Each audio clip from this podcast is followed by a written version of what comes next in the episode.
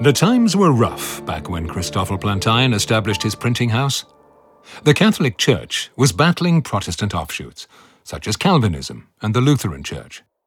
So, where do your loyalties lie as a printer? Plantain hedged his bets.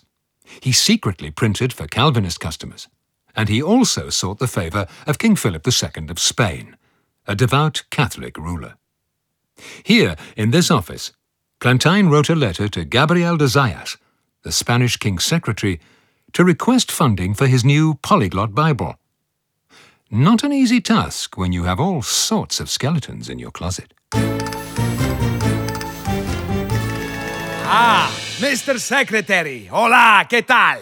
What's new? Well, noble King Philip II of Spain, Si, that's me. uh, you have received a letter from Christopher Plantain. Plantain, si, si, the printer from Aberet, Antwerp, si? Si. Uh, what does he say? Uh, it's a multiple choice letter, Your Majesty. You have to um, delete what does not apply. Ooh, a game. Vamos. He writes A. Most Honorable King. uh, B. Majestic Majesty. Uh, C. Greatest King of Kings. What are you going to delete? Eh, it's a tough one. It's a very good start to the letter, no? Oh, si. I think all of them are correct.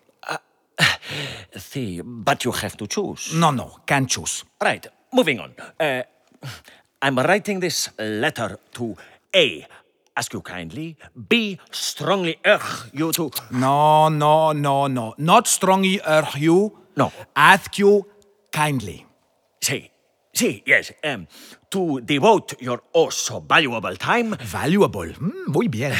to a prestigious project for the Catholic Church. Oh, prestigious.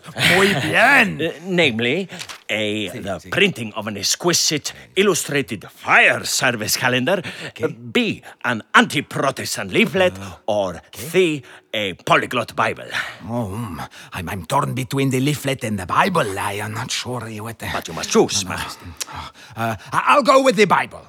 I'll burn those Protestant rats at the stake anyway, and then I'll read my new Bible beside the cozy, crackling campfire. Yes, a heart of heretics.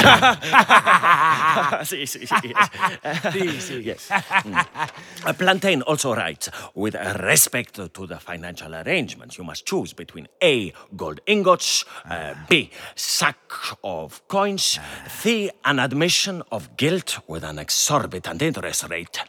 go with the gold. See, but uh, Majesty, we're as good as bankrupt. See, see, I know that, you know that, but Plantain does not. Here, send him a small advance. Claro. Anything else? No, it goes on to say, with kind regards, my most humble esteem, Plantain. Most humble.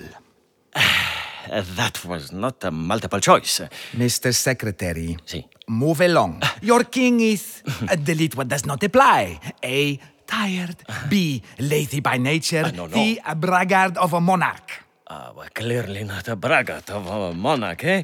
Um, a tired? Wrong. The correct answer is B. Lazy. Oh, por Dios, ay caramba. Hasta luego. Th- Thank you, Majesty. Muchas gracias. Muchísimas gracias. Adelante.